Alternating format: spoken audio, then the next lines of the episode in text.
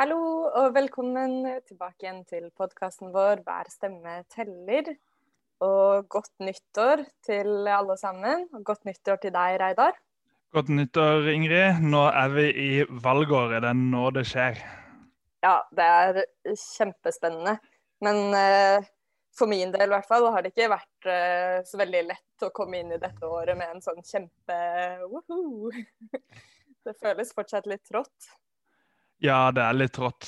Når, eh, når, denne pandemien aldri vil gi seg, så, så, er det vanskelig å finne motivasjonen hver morgen til å stå opp og få skikkelig, skikkelig ut av dagen. Så eh, det er bare å brette opp ermene og prøve, prøve, å gjøre sitt beste. Og så håper vi jo at eh, denne situasjonen snart skal gi seg, og at vi kan begynne å leve litt normale liv igjen.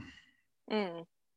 Ja, og jeg tror også at um det vi kanskje lærer litt nå, det er jo også å være mennesker og, og vise litt mer eh, slack overfor hverandre. At det er lov å ikke ha den mest produktive dagen, eller få gjort alt det man vanligvis ville få gjort. Absolutt. Og hjemmekontor eh, for de av oss som har det, det er ikke like effektivt som å, som å sitte på et ordentlig kontor og komme seg ut og snakke med kollegaer. og vanskeligere å få nye ideer og tenke kreativt. og eh, Du får ikke sånn gangkaffe og sånn. Så, så, det gjør jo at, at, jobben til de som fortsatt er på jobb og har hjemmekontor, den er, den er vanskeligere enn før. Men så er vi jo eh, vi privilegerte som, som, fortsatt har en, har en, jobb. For det er det jo altfor mange som, som ikke har noe. Folk som er redde for å miste jobben sin. Eh, osv. Så, videre. så Så vi skal være glad for den situasjonen eh, vi er i. Og så eh, håper jeg bare at eh, situasjonen løser seg snart. Både så folk kan eh, få jobbene sine tilbake igjen og kan få mer normale liv. og så vi ikke minst kan drive en skikkelig grasrotvalgkamp når, eh, når våren og høsten kommer. For ja. Eh, hvis det fortsetter sånn som nå, så kan vi jo liksom ikke snakke med folk ansikt til ansikt. Og da blir det en veldig annerledes valgkamp. Det gjør det. Men som du nevner, så er jo eh, den situasjonen vi står i, eksponerer jo veldig nettopp arbeidslivspolitikken. Mm. Og det skal vi få høre mer om i dag. Fordi jeg har nemlig eh, akkurat hatt et et veldig hyggelig intervju med Linn Elise Øen Mælen, som er eh, vår førstekandidat for valgdistriktet. Vi skulle ønske at det het fylket Buskerud. Eh, og det skal dere snart få høre. Da skal vi snakke en del om arbeidslivspolitikk, og vi skal snakke om Buskerud.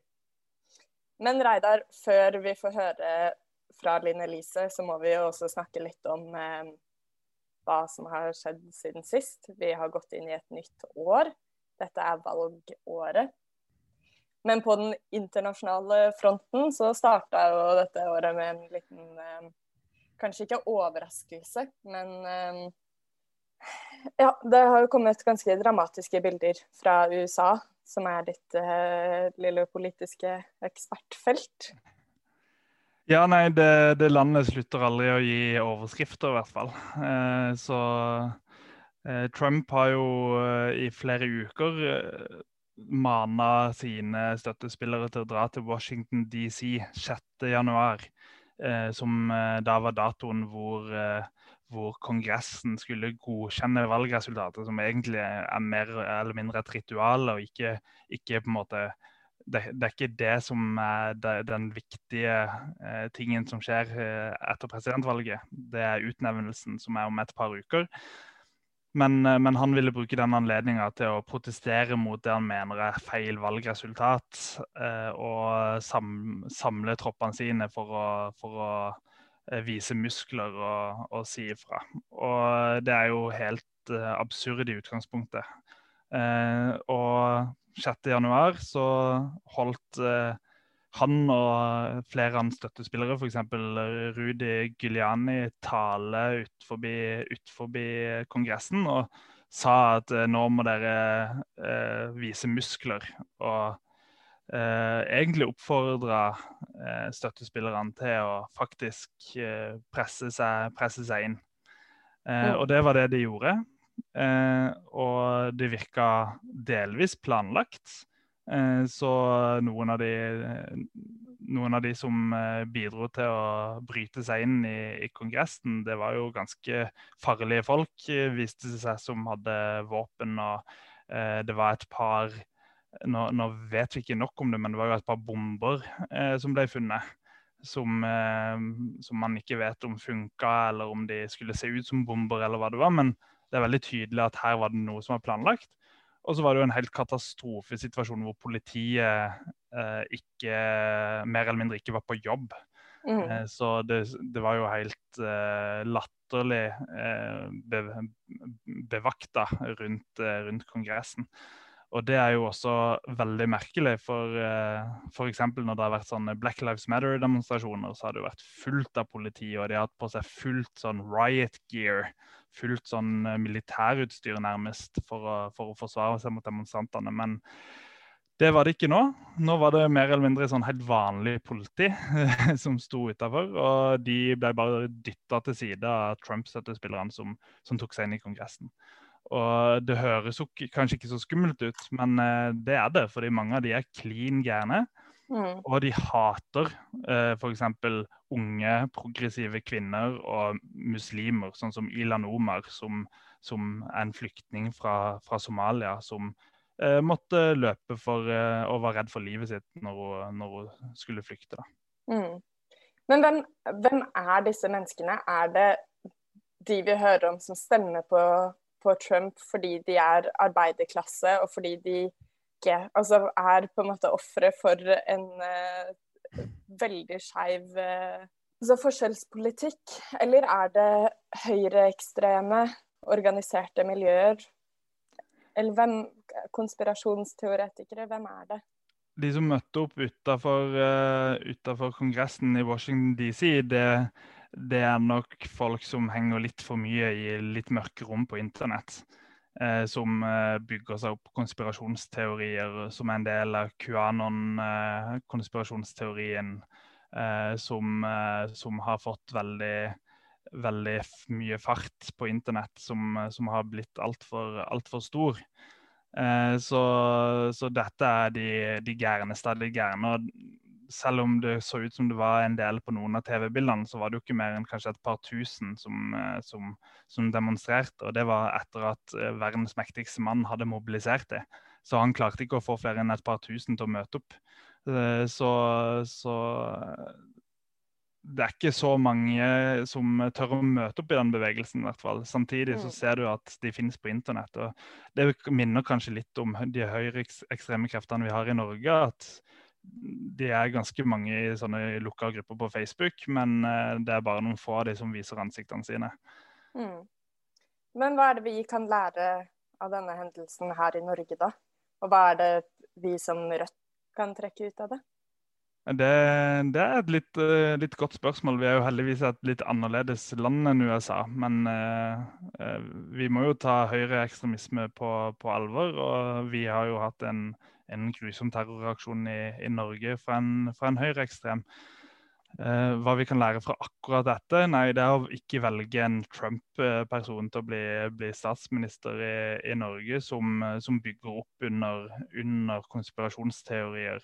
Uh, og så må vi samtidig eh, passe på at, at vi holder mediene våre accountable.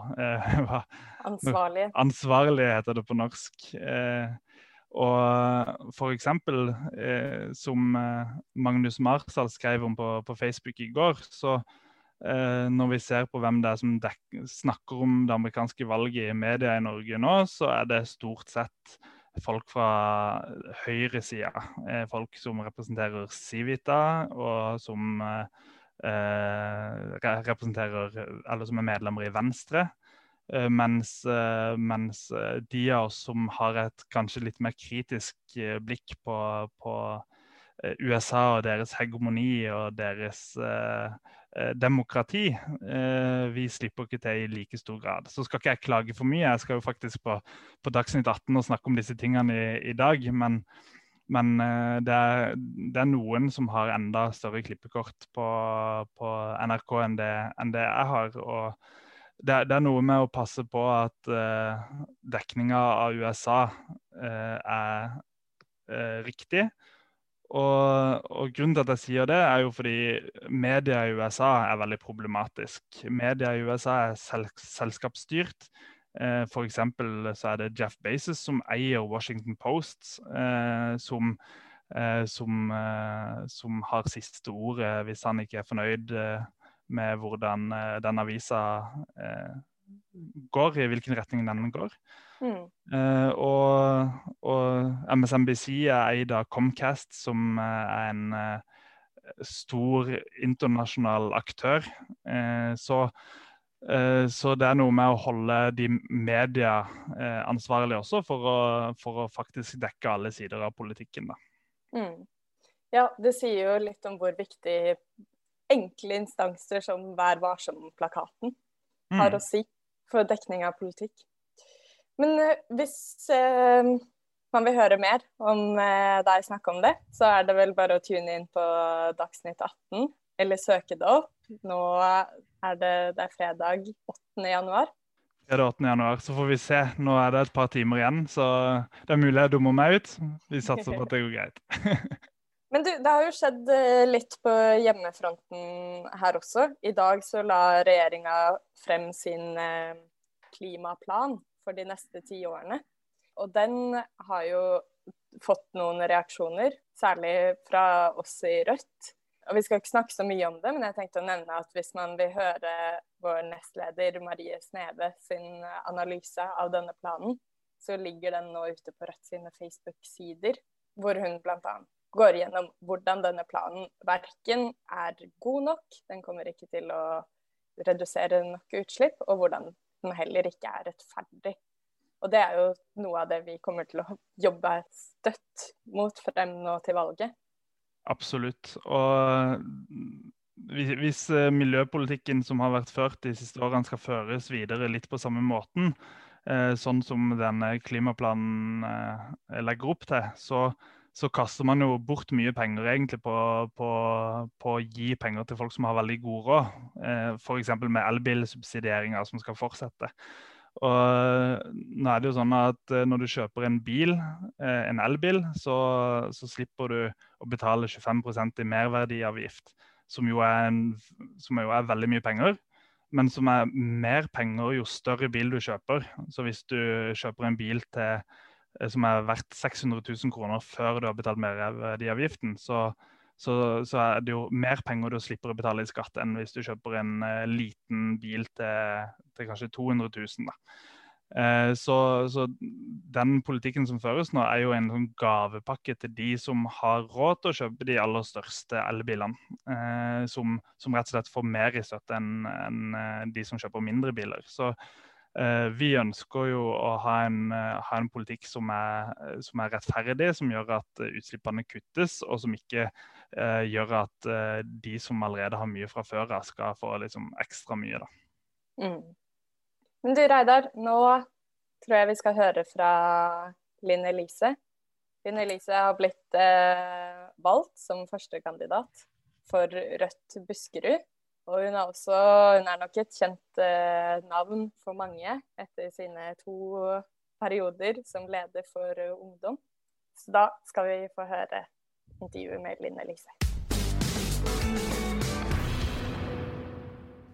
Hei, Linn Elise. Velkommen hit til eh, podkasten vår 'Hver stemme teller'. Så hyggelig å ha deg med. Takk. Takk for at jeg fikk eh, bli med. Du, du, er jo eh, valgt som førstekandidat for Rødt Buskerud. Og formålet med denne podkasten er jo å bli litt bedre kjent med dere som står på topp rundt omkring i landet. Men jeg tror jo de fleste har hørt om deg fra før av. Du har vært eh, Rød Ungdom-leder i to perioder. Det stemmer. Eh, og er jo et ganske ja, kjent eh, rødt navn, vil jeg si. Men vi tenkte vi skulle bli litt eh, bedre kjent med deg i dag. Men jeg må høre først og fremst hvordan går det med deg nå i uh, ny nedstengning? Det går bra. det er som alle andre har det, så har det jo litt annerledes. Og jeg har vært så heldig å ikke uh, bli permittert, og tvert imot så går det jo ganske bra på jobb.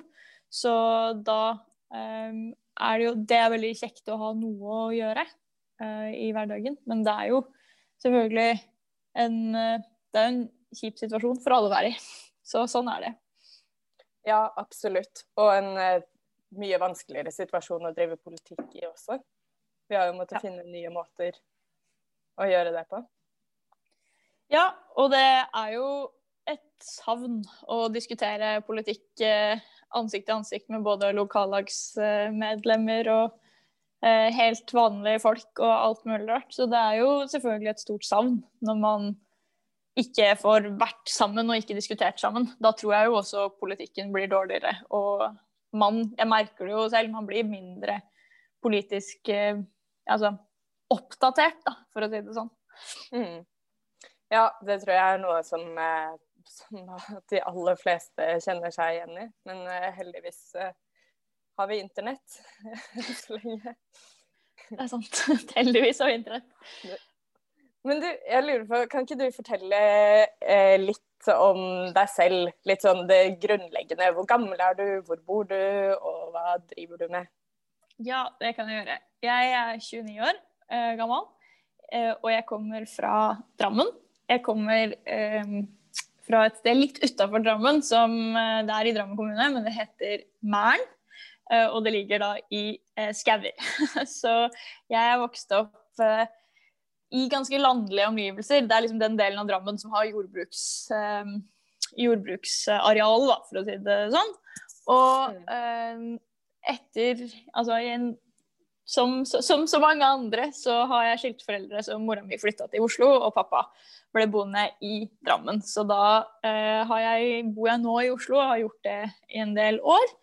Eh, på Tøyen. Der er jo utrolig flott, så jeg er glad for å bo der.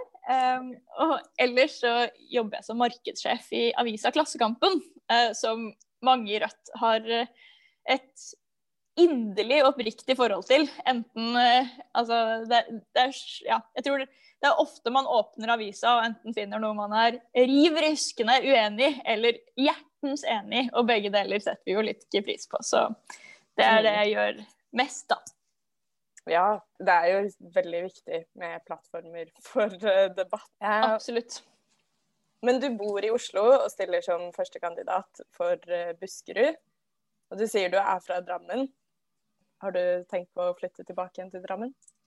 Det frister jo alltid en del, og særlig nå da, så tror jeg man har lært at det å bo i Oslo og det å på en måte det at man har tenkt at man må være ganske nærme jobb, eller være ganske nærme en del sånn kultur- og kunststeder, eller altså hva det enn skal være, da, så tror jeg man har liksom skjønt at man kan bo litt, litt mer hvor som helst. Uh, men foreløpig har jeg ingen konkrete flytteplaner om å dra tilbake til Drammen. Men uh, det, ja, man skal virkelig aldri si aldri. Men uh, du er fortsatt uh, Du følger med på hva som skjer i Buskerud? Det må du jo kanskje nå?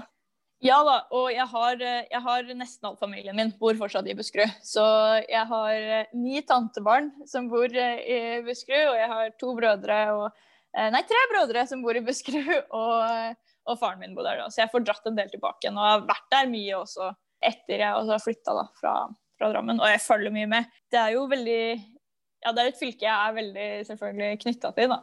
Jeg hadde jo aldri tenkt å stille som førstekandidat noe sted. Um, mm. Og når det da ble en mulighet for at jeg kunne stille som førstekandidat, så føltes det utrolig riktig å stille som førstekandidat fra Buskerud. Fordi det er, i tillegg til eh, å jobbe med Forskjells-Norge, som man jobber med over hele, hele Norge, da, åpenbart, så er det også det å kunne løfte distriktspolitikk som man gjør i Buskerud, det er noe som ligger utrolig nært hjertet mitt. Så det var, det var veldig riktig, da, eller det var veldig fint å kunne stille fra Buskerud. Det, det syns jeg var veldig sånn, passende, og det er jeg veldig glad for at uh, jeg fikk muligheten til, og ble spurt og fikk tilliten av medlemmene våre til. Da. Fordi det mm.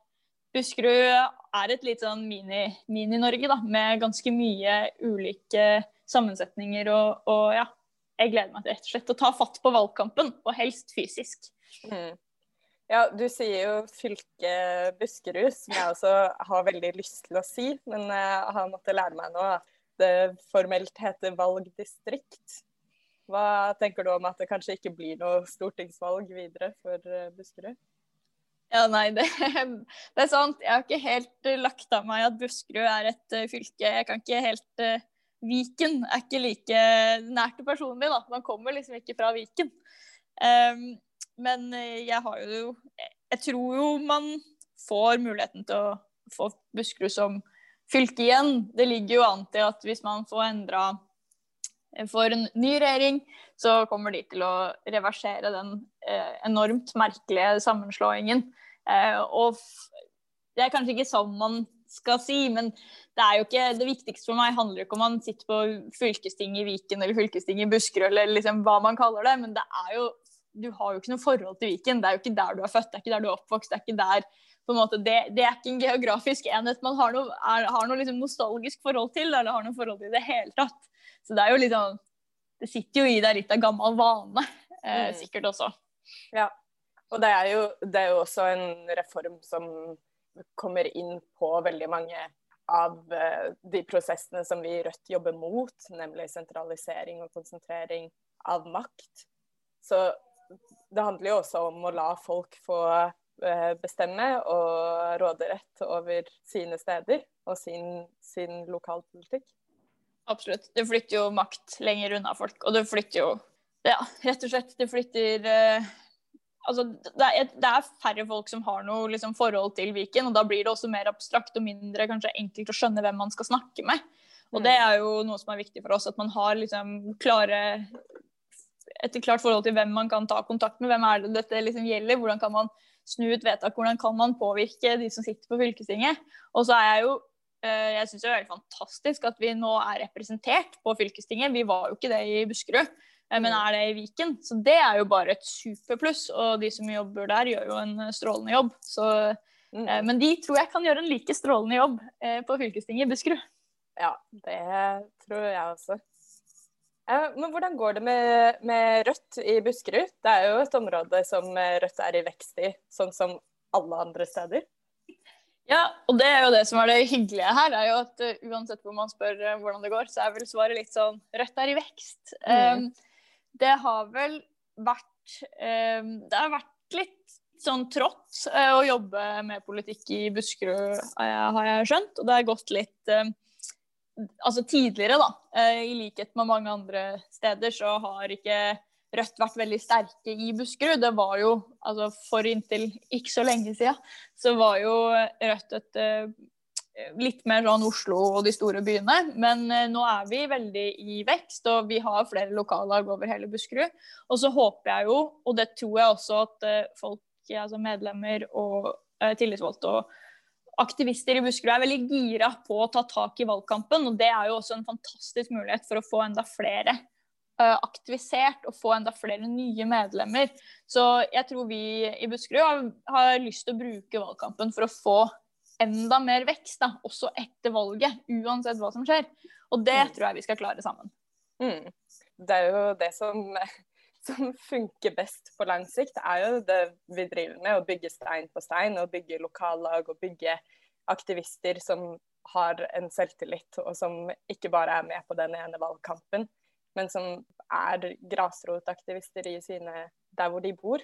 Absolutt.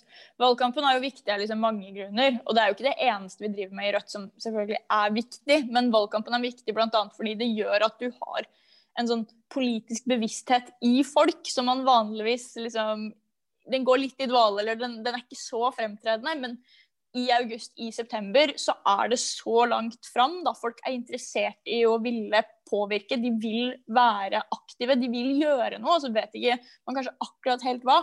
Og da er det jo perfekt å møte noen på stand, dele ut noen løpesedler, si 'bli med, kom hit, vær en del av oss', vær med på den bevegelsen. Vær med ikke bare nå i en måned, men et år, to år, ti år. Altså, og det, det, har vi liksom mulighet til i valgkampen. Altså. Det er noe av det jeg gleder meg til å liksom få til. At dette er ikke bare for å jobbe for å komme inn på et storting, eller det er ikke bare for å få ny regjering, selv om de tingene selvfølgelig er kjempeviktige, men dette er også for å bygge liksom organisasjon, da. Og mm. det, ja, det gleder jeg meg til å ta tak i. Ja, absolutt. Men hva tror du kommer til å være bli viktig for Buskerud sine velgere frem mot valget? Jeg tror jo folk i Buskerud er opptatt av det samme som folk over hele Norge er. Det er jo, jeg tror Kampen mot Forskjells-Norge er kjempeviktig. Og det å ha et trygt og godt arbeidsliv som du kan gå på jobb og ha ja, mulighet rett og slett for alt annet du trenger. da, Ha et trygt og godt og stabilt liv. og Det hjelper jo veldig når man har arbeidsplasser å gå til. Og Der eh, står vi jo i en ja, nasjonalt en kjempeutfordring nå, hvor det er så utrolig mange som er eh, permittert. Men det at da veit man at det er muligheter. Altså Kriser som dette med mange permitteringer kan gjøre at man får svekka arbeidsmiljølov eller får svakere liksom, tillitsvalgte organer eller den type ting. Så nå, eh, det å bare generelt jobbe for et trygt og anstendig arbeidsliv, og det å jobbe for å ha arbeidsplasser overalt, Mm. I, I, Buskerud er det jo uh, arbeidsplasser som både vurderer nedlegging og ut, uh, utflytting av fylket, og, eller av valgkretsen Buskerud. Mm. Uh, og, og, det har jo noe å si i hverdagen til folk. Hvis du ikke kan jobbe eller jobbe i nærheten av der du bor, hvis du, altså, hvis du ikke kan bare ha digitalt hjemmekontor, på en måte, så mm. trenger du en arbeidsplass i nærheten av der du bor. Da. Og da kan du ikke bo i nærområdet hvis alt blir nedlagt. Så vi skal jo jobbe med det. Eh, og det går jo både da på Forskjells-Norge, og det går jo på distrikt og aktiv eh, distriktspolitikk og næringspolitikk. Så, og det gjelder om du bor i liksom Åmot eller Modum, eller om det er i, i, Drammen. Man trenger også arbeidsplasser i, i Drammen. Så mm. rett og slett det, og selvfølgelig sånn profittfri velferd og alle de andre viktige tingene som man forbinder med kampen mot Forskjells-Norge, tror jeg vi skal ja. ta tak i. Det høres veldig bra ut. Og det er jo som du sier, ikke bare det om arbeidsplasser forsvinner, men det å leve under den usikkerheten om at det kanskje kan skje, påvirker jo også folk sine liv. Man mm. føler på en utrygghet. Men jeg lurer på, hvordan, det, hvordan gjør man det da? Hvordan jobber man for å sikre arbeidsplasser i distriktene? Altså, det er jo det å gi bedrifter gode vilkår for å fortsette driften. Det å vise mm. at man har et lokalmiljø i ryggen som er interessert i de arbeidsplassene. Det å jobbe tett med fagbevegelsen for å uh, sørge for at man ja, har de arbeidsplassene, at man ikke legger ned hvis det ikke er mulig. Dette er jo De arbeidsplassene man står i fare for å miste i Buskerud, da er jo store konserner. Så det er mm. viktig at man får gode liksom, lokale tillitsvalgte som står opp og sier ifra, og det har man jo.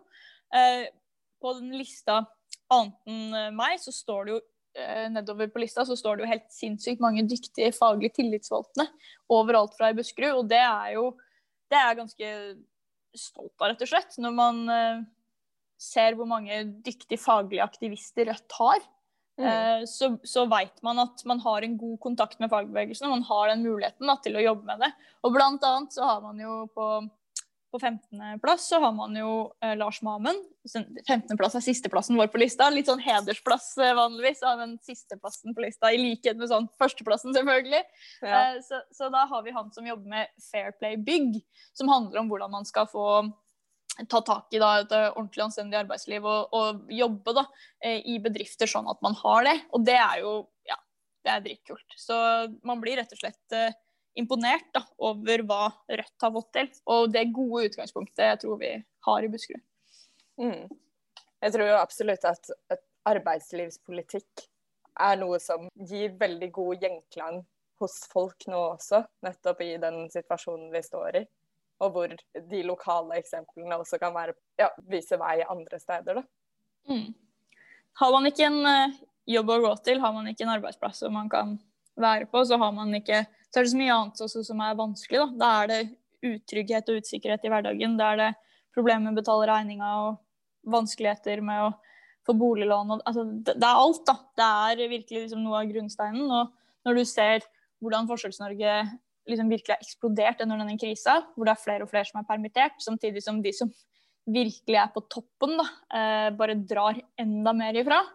Eh, som man fikk eksempler fra på i fjor høst med både lønnslistene til kapital, holdt det på sin milliardærlistene, at man aldri nå har hatt flere milliardærer enn nå.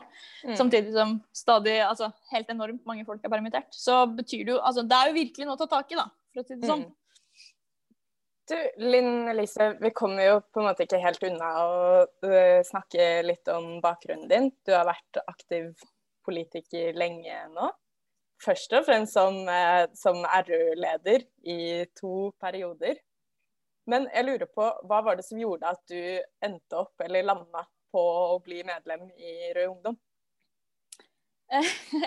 jeg, jeg er faktisk litt usikker sjæl på hva som akkurat liksom gjorde at eh, man, eh, man, kom inn i Rød Ungdom. Jeg har, jo, jeg har, jo, prøvd å tenke mye over det. Jeg var, først, eh, jeg var med i AUF, og jeg var med i AUF i sånn 2007. Så det var jo mens de satt i, Arbeiderpartiet satt i regjering. Og det var jo faktisk altså AUF var jo fint og flott og ganske radikale, men det var jo en ganske stor misnøye med hvordan Arbeiderpartiet opptrådte i regjering. Eh, og mm. særlig når det kom til faktisk arbeidslivsspørsmål. Da. Eh, hvordan jeg ikke syns man Man hadde mye flott politikk, men det var liksom ikke akkurat Man fikk det ikke ut i praksis, og det var det, man, jeg føler også at når Arbeiderpartiet sitter i regjering, så blir de liksom litt avkledd som et sånt nyliberalistisk parti, som ikke nødvendigvis er så sosialdemokratisk eh, i, i, sjela si lenger, da. Og det var vel kanskje det jeg så. Og så var det litt tilfeldig om man liksom er med i SU eller RU eller liksom Det kunne sikkert vært litt sånn 50-50, men da satt jo også SV i regjering, da. Og det var mye av det samme jeg liksom syns jeg så litt der. Så i 2008 så meldte jeg meg inn i Rød Ungdom og har vært eh, aktiv i Rød Ungdom siden det, og det var eh, det var gøy, det. det. Da følte jeg at Rødt var jo da et parti som virkelig sa det de mente og skrev det i partiprogrammer, og så stemte for det i kommunestyrer. Da var det ikke noe, det var ikke noe slinger i valsen der, for å si det sånn. Hvis du skulle trekke frem ett uh, minne, da. Det, det, beste minnet fra tiden din i, i Ungdom, hva ville det vært? Det beste minnet er kanskje også noe av det verste minnet, for å være helt ærlig. Det var, um, det var utrolig fint å kunne være um, på Utøya uh, med Rød Ungdom og ha sommerleir igjen uh, på Utøya etter 22.07. Det var jo en del år der øya måtte pusses opp og som man ikke kunne dra og ha sommerleir der. Men vi i Rød Ungdom dro tilbake igjen eh, og hadde vår første sommerleir igjen etter 22.07. i 2017.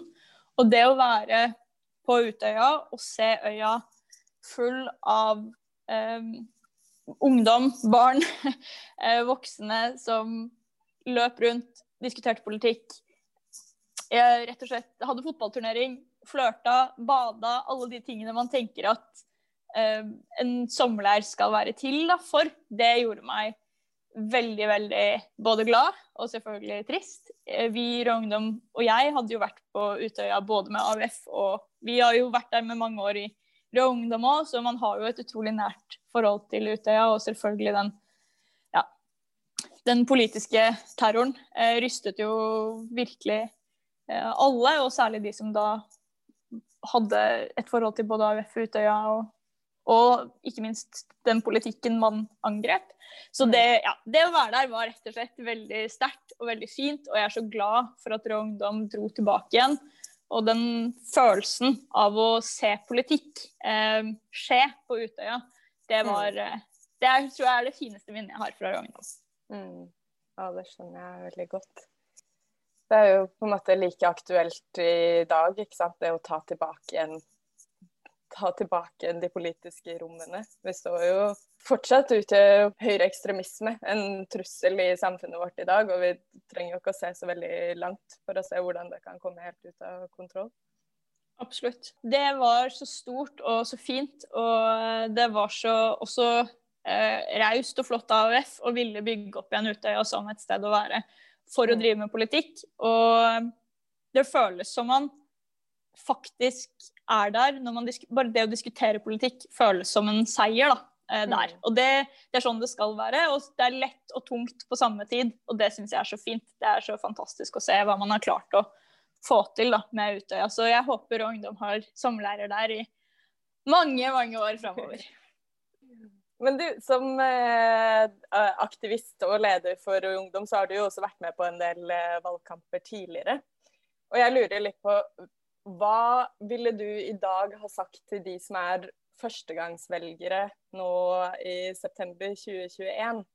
Til alle de som har sittet hjemme et år med Zoom-undervisning. Og nå har det jo kommet nye undersøkelser som viser at eh, de unge i Norge er den første generasjonen på lang, lang tid som eh, er mer redd for fremtiden sin, tror at de går en usikrere fremtid i møte enn sine foreldre. Hva ville du sagt til de? Det er jo ikke sjokkerende at de undersøkelsene kommer, og at det er nå man er mer utrygg med tanke på framtida. Det er jo fordi man har hatt en politikk som har altså bevisst gått og angrepet arbeidsliv, gjort det mer utrygt, omfordelingspolitikken. Man har eh, konsentrert stadig mer penger på stadig færre hender. Og man har laga rett og slett et, eh, et, Norge, sakte, men sikkert, som gjør sånn at man ikke lenger kan regne med å få det tryggere og bedre enn foreldra sine. Men det som er fint med at dette er villet politikk, med at det er skapt sånn, det er jo nettopp at man ved å engasjere seg, ved å gjøre, altså drive med politikk, kan drive med en annen politikk som kan få ned forskjellene, som kan sørge for at det blir tryggere, som kan takle klimakrisa og den liksom, økende forskjellene på en god måte samtidig. Da. Så det å ta liksom, steget ut, stemme på Rødt, tørre å bli med i Rødt, delta aktivt, det, altså delta, jobbe med politikk, delta i fagforeninger eller andre steder, det er med på å eh, endre framtida, da. Så jeg vil bare si at liksom, det er virkelig mulig å gjøre noe med det. Det er den gode nyheten, da. Så bli med Rødt, og stem Rødt. Et veldig godt budskap. Jeg tror du har et kjempeviktig poeng i nettopp det. Altså den politiske myndiggjøringen som kommer gjennom å organisere seg, og det å forstå at man faktisk kan bidra til en forandring. At man ikke trenger å sitte og se på at samfunnet turer og går forbi seg, men at man aktivt kan delta. Jeg tror det er derfor jeg fortsatt driver med politikk eh, etter så mange år. Det er ikke på en måte som en annen hobby da, som man tar opp eh, og bare så kan liksom legge på hylla. Det er litt det at det å være aktiv i politikk og det å jobbe med det, det sakte, men sikkert, selv om det ikke går nødvendigvis uh, framover i et rasende tempo, så ser man de endringene man får til. da. Uh, og det er så fryktelig motiverende. Og det å vite at alt det man på en måte ser rundt seg, det er skapt sånn uh, med vilje. Da. Det er det noen som har hatt ansvar for å gjøre. Og det betyr at hvis vi kommer i en posisjon der vi har makt og, og, innflytelse, så kan vi gjøre det annerledes. Det mm. er Ja, det tror jeg så veldig på, da. Så ja, folk, det er folk som forandrer verden, rett og slett. Det er det. Og nå er vi i 2021 allerede. Det er uh, valgår. Og jeg lurer på, Hvordan kommer en vanlig dag til å se ut for deg fremover nå og frem til september?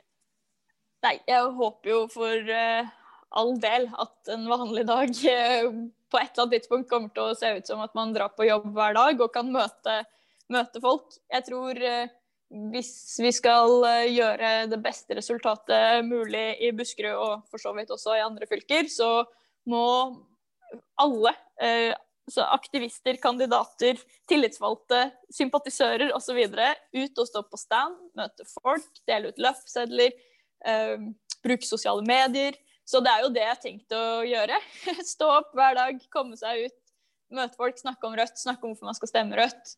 Eh, det er eh, ja, bare å overbevise liksom, venner, familie, tilfeldig man møter. Eh, mm. Og så veit jeg ikke. Hvis det ikke. hvis det ikke blir sånn, så får man jo finne en annen løsning. Da blir det en litt mer digital valgkamp. Men eh, jeg håper, eller jeg håper veldig at eh, hverdagen ser altså ser ut som man kan treffe folk, da. For det, det, er jo det viktigste for å få et godt resultat. Det er jo å snakke med mest mulig mennesker. Mm. Det er det. Og hvis du skulle trekke frem ett saksfelt som du tenker er spesielt viktig at Rødt markerer seg på fremover nå? Nå har vi jo allerede vært inne på arbeidsliv. så jeg regner kanskje med at du ville sagt arbeidsliv, men hvis du skulle si et, et annet, hva ville det vært? Nei, jeg syns jo, jo, Rødt er utrolig flinke nå til å prioritere riktig, da. Og vi har jo snakka mye om arbeidsliv, og det andre er jo eh, selvfølgelig skattepolitikk. Og, mm. og, omfordeling gjennom skattesystemet. Og der har jo, eh, der har jo regjeringa sakte, men sikkert eh, endra arveavgifter og alt annet eh, nærmest. Så det å ja, det at Rødt nå vil innføre, eller gjeninnføre dynastiskatt uh, f.eks., uh, syns jo jeg er, uh, det er viktig. Og det tror jeg også ganske mange folk, altså langt utover folk som stemmer Rødt, eller for den saks skyld SV, er enig i. Fordi mm. det er en så sinnssyk tanke om at man ikke skal trenge å betale noe skatt av det man arver. da. At man mm. bare kan arve seg til rikdom. Og seks av ti av de aller rikeste i Norge har jo arva rikdommen sin og ikke jobba for den. Og det å, å, slå hull på den myten som Rødt eh, jobber med hele tiden, da, om at det er liksom hardt arbeid som lønner seg, det stemmer jo ikke. Det er arving som lønner seg. Mm. Um, så det, det veit jeg Rødt jobber med, og det tror jeg også blir en viktig sak framover. Mm. Ja. Men du, jeg tror vi skal eh, begynne å runde av nå snart helt til slutt, hvis du har Jeg lurer på De fleste som eh, hører på, er jo eh, enten Rødt-medlemmer eller eh, sympatisører.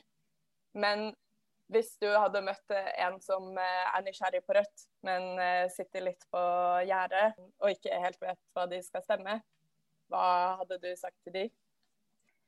Nei, jeg syns jo Jeg tror jeg hadde sagt noe av det samme som vi har vært inne på før, da. Men det er jo eh, Rødt står jo nå overfor en liksom, historisk sjanse da, til å komme inn på Stortinget med en skikkelig stor gruppe folk. Mm. Og hvis du står mellom Arbeiderpartiet eller SV eller Rødt, som sikkert en god del eh, gjør, da, så er det jo eh, en stemme til Rødt er jo også en stemme på en størst mulig venstreside. Og eh, den stemme til Rødt er ikke minst faktisk en stemme på all den politikken vi lover nå, da. Og det kan man kanskje ikke si om eh, alle andre partier. Så jeg håper at flest mulig stemmer Rødt for et sterkt og stort Rødt som drar eh, ja, som, som, får en liksom, skikkelig forandring da, på det politiske Norge. Så det, det kan, håper jeg jo, og tror jeg jo flest mulig kommer til å gjøre. Du hadde, du hadde overtalt meg. Flott. Da er det bare sånn resten av Norge igjen. ja, vi, eh, i podkasten her så har vi jo på en måte prøvd å etablere den regelen om hvis alle overtaler ti venner eller familiemedlemmer, da når vi målet vårt om sperregrensa. Det, nå, skal jeg, nå, skal jeg, ut og finne ti stykker. Ja. Eller ikke nå, da. Nå er det lockdown, så nå må jeg ikke finne noen. Du kan finne de på Zoom. Det er sant. Nei, men tusen takk for praten, eh, Linn Elise. Og lykke til videre, både på jobb og med valgkamp. Takk. Takk for praten. ha det godt. Ha det. Der hørte du et intervju med Linn Elise. Og Reidar, du skal jo kanskje treffe Linn Elise allerede nå til helga? Ja, det blir jo et digitalt treff, men eh, nå på lørdag så skal alle førstekandidatene til Rødt fra Finnmark i nord til Agder i sør møtes eh, digitalt for å forberede oss fram mot eh, valgkampen. Så det blir veldig artig å samle hele, hele gjengen nå som er, som er valgt. Mm. Hva kommer til å være temaer for den samlinga, da? Nei, det er hemmelig. Nei. Nei vi skal snakke litt om, eh, om uh, Rødt sin valgkampstrategi, hva som er planene våre framover. Og hvordan kandidatene skal bidra til at vi skal lykkes med den grasrotvalgkampen som vi har satt oss mål om å få til. Og, uh, og litt om uh, hva det vil si å sitte på Stortinget. Forberede folk litt på, på jobben de har i vente når de blir valgt inn i, i september. Mm -hmm. Ja, det er jo ganske mange som eh, faktisk har muligheten til å komme inn på Stortinget. Så nå er det et ordentlig venneår for Rødt, og sikkert Absolutt. veldig mange av kandidatene som er eh, spente, og som eh, må inn i en reell forberedelse. Absolutt, og det er jo ingen som kan forberede seg på å ikke komme inn. Altså, alle kan komme inn, og så er det noen det er større sjanse for at kommer inn enn andre. Men alle må være forberedt på at det kan skje, på at eh, livet deres kan, eh, kan bli ganske annerledes fra med 14.9. Ja, mest sannsynlig blir det ganske annerledes en stund før det også. Ja, good point. men uh, vi, har jo, vi, har jo, pleid å ha en liten sånn um, valgdistriktsbasert uh, oppdatering på meningsmålinger, og Buskerud slipper jo ikke unna der heller. Så jeg lurte på, Reidar, om du kan si litt om hvordan uh, tallene for Buskerud ser ut? Ja, det kan jeg gjøre. Uh, for det første så er det jo litt, uh, litt kjedelig for Linne Elise at at mandatfordelinga har endra seg litt. Jeg har jo snakka om det på podkasten før også, at det at vi har et nytt At befolkninga i Norge endrer seg fra, litt fra år til år, det gjør at man av og til justerer mandatfordelinga. At Eh, det at Oslo vokser og at Akershus vokser, det gjør at eh, de delene av landet får flere inn på Stortinget, siden det er flere de skal representere. Mens andre deler av landet så, så mister man noen representanter. Og Buskerud er et av de stortingsvalgdistriktene som mister en, eh, en stortingsrepresentant fra og med, fra med høsten. Eh, så det gjør at det blir bitte litt eh, vanskeligere å komme inn med såkalt direktemandat. Du må ha rundt nesten 11% for å være helt helt bombesikker på, på å komme inn. Så det, det, skal nok litt til i, i Buskerud, selv om Line Lise er flink og kan, eh, kan, overraske mange, tror jeg. Så det gleder jeg meg til å følge med på. Så har det vært eh, valg Nei, det har vært en måling i, i Eh, Buskerud. Den kom 8.9, eh, og der fikk eh, Rødt i Buskerud 3,6% Og Det er en ganske klar oppgang fra, fra, fylkestingsvalget sist. Skal vi se om jeg kan finne resultatet da. Da fikk vi 2,3% Så det er en ganske god framgang på den enkeltmålinga. Så, så, hvis den grafen fortsetter å stige til værs, så kan det, kan det bli veldig bra. Eh, men det er nok eh, i, utgang, i utgangspunktet i hvert fall så er det distriktsmandat, eh, eller utjevningsmandat, som Linn Elise må håpe å komme inn på. Og foreløpig så er det to partier som, som ligger liksom foran oss i den knivinga om utjevningsmandatet i Buskerud. Det er SV og det er MDG. Og nei, faktisk kanskje til og med Frp kan, kan kjempe om det utjevningsmandatet. Så eh, vi må nok vokse en del, samtidig som, eh, som eh, vi må ha litt sånn stang inn med hvordan utjevningsmandatene går til de andre partiene rundt omkring i landet for at vi skal få mandat fra, fra Buskerud. Men eh, det, er, det, er, langt fra umulig. Men eh, Linne Lise og hele gjengen i Buskerud må jobbe knallhardt de neste månedene for for å få henne inn. Mm. Og det virker det jo absolutt som at de har planer om å gjøre. Og ikke minst at de klarer å snakke til velgerne i Buskerud. Absolutt. Og Rødt har jo vært mer synlig i Buskerud enn noensinne. Så at uh, han som sitter i, i kommunestyret vårt uh, i, uh, i, Drammen, Jørgen eh, han, ble kåra i lokalavisa til å være Han fikk terningkast seks i lokalavisa som eh, ny, ny kommunestyrerepresentant.